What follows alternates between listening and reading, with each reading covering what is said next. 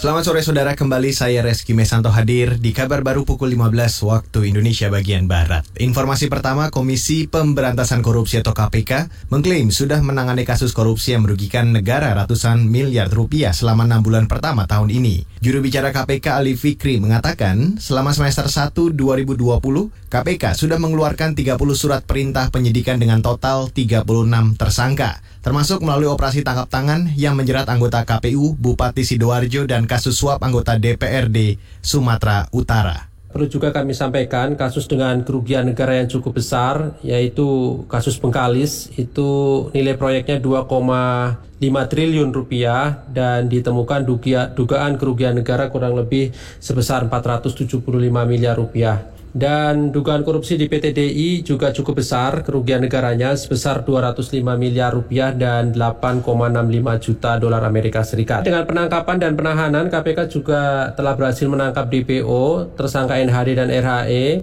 Pernyataan juru bicara KPK Ali Fikri itu disampaikan setelah sehari sebelumnya sejumlah lembaga masyarakat sipil memberi rapor merah terhadap kinerja KPK dalam setengah tahun terakhir.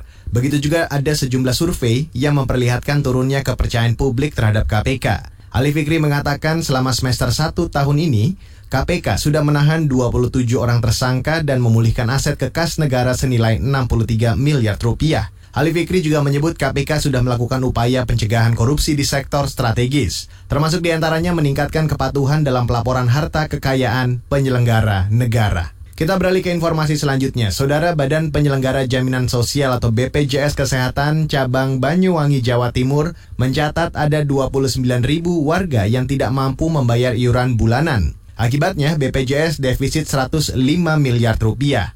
Kepala BPJS Kesehatan Cabang Banyuwangi Wahyu Santoso mengatakan ada 40,9 miliar rupiah iuran yang belum terbayarkan. Warga yang tidak mampu membayar iuran BPJS Kesehatan sebagian besar berasal dari peserta BPJS Mandiri dari golongan kelas 3. Wahyu menduga warga tidak mampu membayar iuran karena dampak pandemi COVID-19.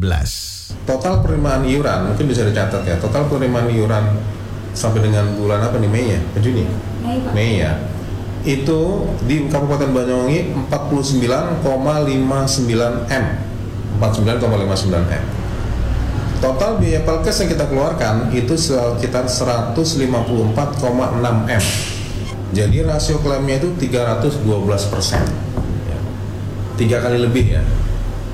Dengan biaya yang kita terima, kemudian kita keluarkan.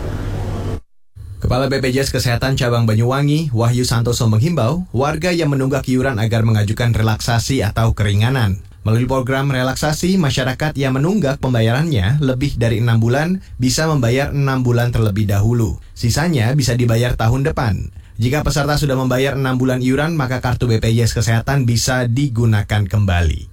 Sementara itu, Saudara Otoritas Kesehatan Jepang menyebut tingginya antusiasme masyarakat yang menggunakan aplikasi telepon selular untuk pelacakan kontak COVID-19.